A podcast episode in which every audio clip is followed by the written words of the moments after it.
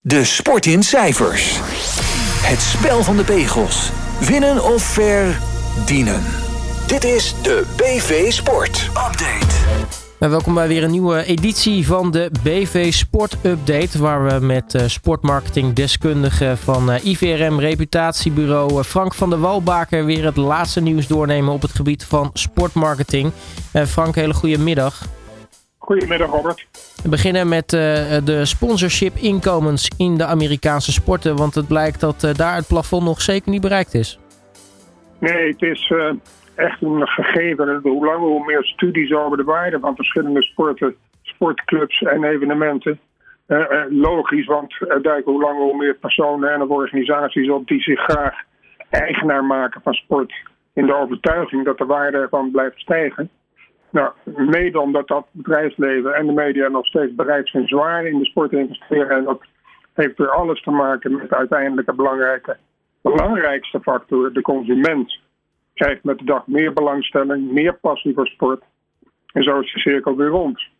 Hoe dan ook, een recente studie toont aan dat sportclubs in de Verenigde Staten in 2023 een sponsorship inkomen van 6,7 miljard boeken.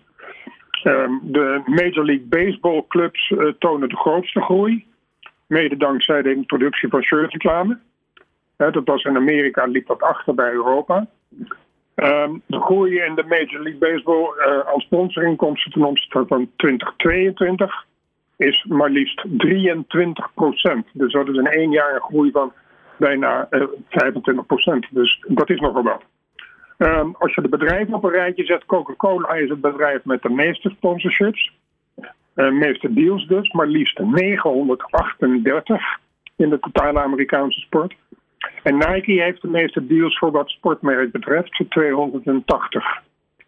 Uh, de NFL, de National Football League, waar nog geen shirtreclame is toegestaan, heeft uitgerekend dat als het zou worden geïntroduceerd, het minimaal 670 miljoen extra per seizoen zou gaan opleveren. Nou, dat zijn toch aantrekkelijke en aanzienlijke bedragen. Dus je kunt er wel van uitgaan dat dat zal worden ingevoerd, ook die shirtreclame in de National Football League. En dan is uh, dat niet het enige als we het over Amerikaanse sport hebben waar het uh, goed gaat. Want ook het, uh, het hoogste niveau in het vrouwenvoetbal in Amerika. Want we moeten niet vergeten dat in Amerika het vrouwenvoetbal jarenlang groter was dan het mannenvoetbal. want de mediarechten gaan er ook best wel lekker. De, National Women Soccer League in de Verenigde Staten bewijst eventjes tussen neus en lippen door enorme groei in populariteit van de vrouwensport in het algemeen en het vrouwenvoetbal in het bijzonder. En je zegt terecht al, Robert, als je een overweging neemt dat het vrouwenvoetbal in de Verenigde Staten al, redelijk populair was, is het wel opmerkelijk dat de nationale rechten, en ik benadruk de nationale mediarechten van die uh, National Women's Soccer League, en maar liefst 40 keer hoger zijn uitgevallen dan het voorgaande contract. Um, Amazon, CBS en ESPN en de streamingdienst Script hebben de nationale buit verdeeld en betalen 240 miljoen dollar voor vier seizoenen. Uh, 118 live wedstrijden per seizoen, dus voor 60 miljoen dollar. Nou, dat is natuurlijk nog geen echte grote uh, groot bedrag vergelijkbaar met de rechten voor de mannensport. Maar desalniettemin, het is 40 keer hoger uitgevallen het voorgaande contract. Uh, om even te vergelijken, uh, de Women's Soccer League in het Verenigd Koninkrijk, dus Engeland, levert slechts, tussen aanhalingstekens, 10 miljoen dollar per seizoen op. Uh, uit een, de verkoop van de nationale rechten. en in ons land zijn we al blij dat in de nieuwe deal van de ESPN met de mannen dat daarin de vrouwen-eredivisie wordt meegenomen. Maar voor de deelsleutel van die nieuwe deal, naar verluidt 150 miljoen per jaar euro's voor het eredivisievoetbal van de mannen en de keukenkampioen-divisie. Hoe dat wordt, gaat worden verdeeld ook onder de vrouwen is niet bekendgemaakt. Maar we moeten al heel blij zijn in ons land dat alle wedstrijden nu ook van de vrouwen-eredivisie live worden uitgezonden. Dan eh, gaan we het er maar weer eens over hebben. De verkoop van Manchester United. Want uh, inmiddels zijn we aanbeland, denk ik, bij uh, hoofdstuk, wat is het, 73 of zo? Ja, dat zou niet ver schelen, denk ik, Robert. maar hoe dan ook, het is weer inderdaad een volgend hoofdstuk. Sir Jim Radcliffe zou zomaar deze week voor um, anderhalf miljard dollar, 25% van de aandelen van Manchester United kunnen verwerven. De bedoeling zou zijn geweest de deal rond te maken op 13 november. Maar dat werd dan toevallig, of niet toevallig, in ieder geval de dag dat Sir Bobby Charlton werd begraven. En waardoor men, as we speak, op zoek zijn naar een uh, nieuwe datum. Ehm, onderdeel van de deal zou zijn dat de zeer succesvolle sportcoach David Brailsford die als titel heeft Performance Director van onder andere de Ineos wielerploeg. En Ineos is het bedrijf van Sir Jim Radcliffe. Um, hij is daar de 100% eigenaar van.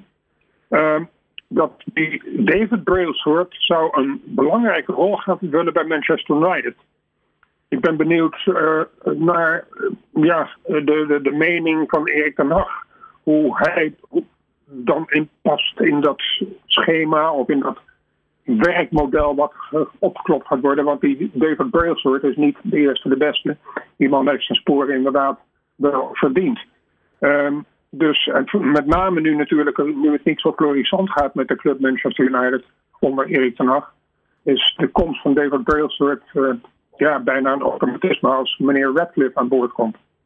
Um, Sir Jim is met zijn bedrijf Ineos al, dat is een chemische gigant, uh, al eigenaar van, uh, zoals gezegd, de wielerploeg.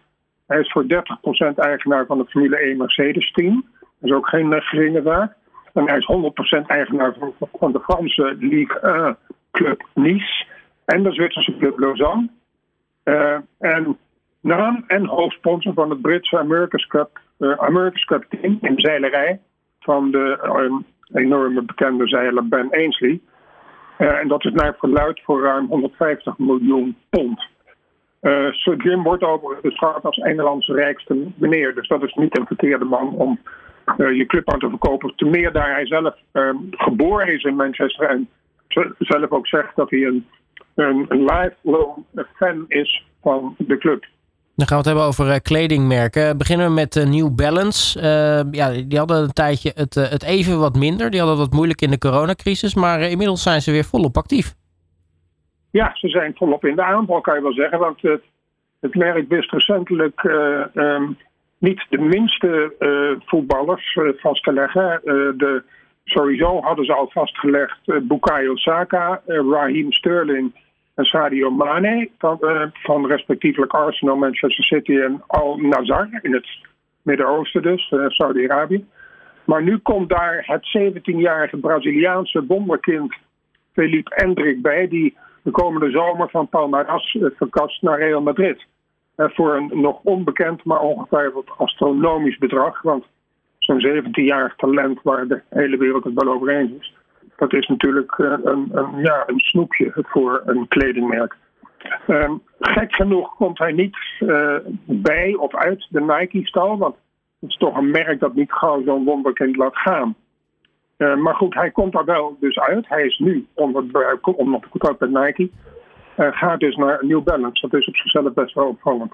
het lijkt er dus op in ieder geval dat New Balance nieuw kapitaal heeft opgehaald ergens in de markt. Mm. Om vol in de aanval te gaan op Adidas, Nike en Puma. Een interessante wedstrijd. En dan blijf ik even in de kledingmarkt, want uh, Adidas uh, laat van zich horen.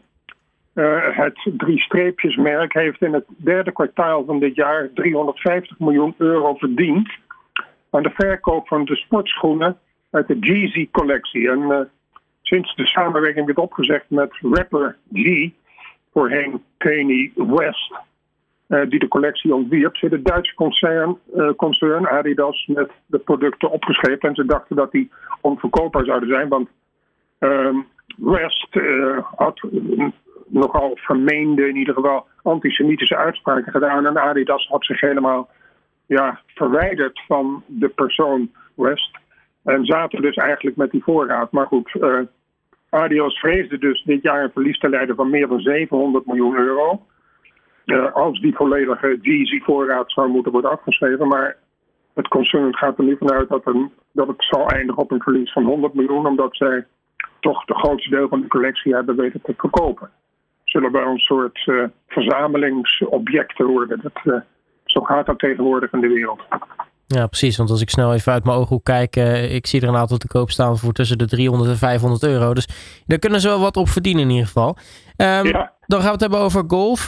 de LIV en de PGA Tour. Ehm, ja, die, die, er was er de eerste natuurlijk een ruzie. zouden ze gaan fuseren. Dat werd weer uitgesteld. En nu lijkt het er toch definitief van te gaan komen. Maar dan weer niet volgens de datum die ze in eerste instantie hadden gesteld. Nee, ze hadden een deadline gesteld van 31 december 2023. Maar de belangen zijn zo groot en het ja, en belangen zijn groot in de sport. Vooral ook als er natuurlijk veel geld mee gemoeid is. En dat is hier natuurlijk het geval. Want wie zit er achter de Live Golf Tour? Dat is Saudi-Arabië. En in Saudi-Arabië bestaat er een um, Public Investment Fund. En daar zit 650 miljard. Ja, u hoort het goed. 650 miljard zit daarin. Dus hoe dan ook, de door Saudi-Arabië gecreëerde en gefinancierde Live Golf Tour en de PGA Tour Ehm, die lijken toch met de dag dichter tot een fusie te komen. Maar nogmaals, wat je al zei, de geplande datum, deadline van 31 december wordt niet gehaald. Maar dat schijnt niet een al te groot probleem te zijn. Uh, diverse Amerikaanse investeringsfondsen, ja, daar heb je ze ook alweer, uh, willen meedoen. Want die zien daar natuurlijk ook wel uh, een aantrekkelijk financieel gedoe gaande. ongetwijfeld omdat meer dan aanzienlijke investering van dat PIF, wat ik net al noemde, eh, een succesvolle return on investment eh, biedt. de Lift Tour garandeert eh, de uiteindelijke spelers in de Tour, en dat maakt het natuurlijk ook aantrekkelijk voor de individuele atleten, het mede-eigenaarschap. Dus zij kunnen meegaan delen in de winst, afgezien van hun prijzengeld en hun ongetwijfeld ook aanzienlijke startgelden.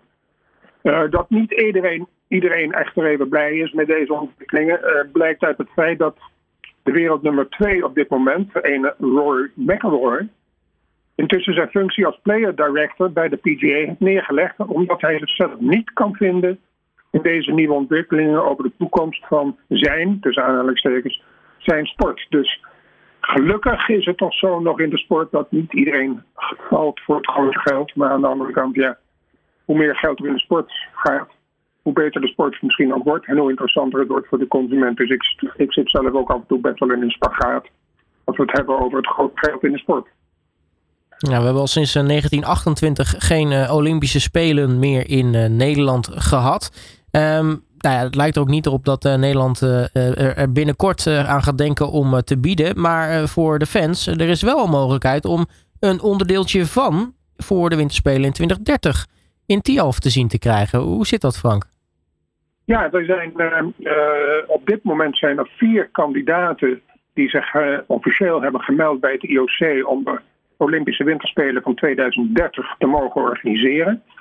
En in drie van die vier staat in het bidboek de naam Tialf genoemd in Heerenveen. Ehm, de, de, het is zo dat bij het IOC hoe langer hoe meer accent wordt geplaatst ook op duurzaamheid. En dus het bouwen van nieuwe stadions uh, wordt uh, onder de loep genomen. En zowel Frankrijk, Zwitserland als Zweden, uh, drie van de vier kandidaten, de vierde kandidaat is Verenigde Staten. Daar wordt het natuurlijk moeilijk om een TIA over te zijn. Maar bij de drie Europese landen die zich kandidaat hebben gesteld, die hebben gesteld, we hebben geen echt goed lange baanstadion. Dus waarom zouden we niet terugvallen op TIA, waar we zeker weten dat het een uitverkocht huis is? En waar uh, nou ja, dat een heel goed track record heeft in het schaatsen en het vestigen van records. Het is wel zo dat Zweden heeft gezegd: wij maken een keuze tussen, als wij de kandidatuur winnen tussen Hamer in Noorwegen, wat natuurlijk iets dichterbij was, en Tialf. Maar Frankrijk en Zwitserland, die zouden echt al gezegd hebben: als wij het krijgen, dan wordt het. Nou, dat is natuurlijk een prachtig iets voor de Nederlandse schaatsfans. Want dan krijgen we toch de Olympische Winterspelen in Nederland voor uh, eigenlijk ons koningsnummer. Uh, nog even twee zaakjes. De 2026 winterspelen, dus die daar nog aan vooraf gaan, die vinden uh, plaats in Milaan en Cortina d'Ampezzo. Behalve dan weer het, de bobslee-nummers, maar dat, dat is dan weer een verhaal voor een andere keer. Um, dan afsluitend met, nou ja, zoals, zoals gebruikelijk, de Formule 1. Ja, zoals al eerder gemeld, het Amerikaanse General Motors wil vanaf 2028 de motoren gaan leveren voor het nog op te richten Formule 1-team van Andretti. Niet een onbekende naam natuurlijk in de racerij. En dat team zal gaan heten Andretti Cadillac, een van de merken van General Motors. Het team van de Amerikaanse oud Michael Andretti uh, wil al, uh, eigenlijk al eerder toetreden tot de Koningsklasse, maar heeft daar nog wel de goedkeuring voor nodig. En die goedkeuring die is niet alleen in handen van het circus, maar ook van de rijders. En die moeten daarin stemmen op de, de remstallen. Ehm, General Motors wil bij zijn toetreding gelijk de top aanvallen. Ja, dat moeten ze wel natuurlijk als groot merk. Dat moeten ze wel zeggen. Ehm, en ze willen al in, uh, hebben het bekendgemaakt overigens in de, in de aanloop van het aanstaande weekend, waarin de primeur is van de Grand Prix in Las Vegas. Ehm, de Formule 1 krijgt vanaf 2026 een nieuwe motor, uh, nieuw motorreglement. Met Mercedes, Ferrari, Renault, Audi, Honda en Red Bull. Um, uh, en Red Bull samen met Ford waren al zes leveranciers bekend. En General Motors wil dus nu de zevende worden. Andretti Cadillac wil vanaf 2025 toetreden tot de Formule 1. Maar de meeste bestaande teams, zoals ik net al zei, zijn daar nog niet een echte voorstander van.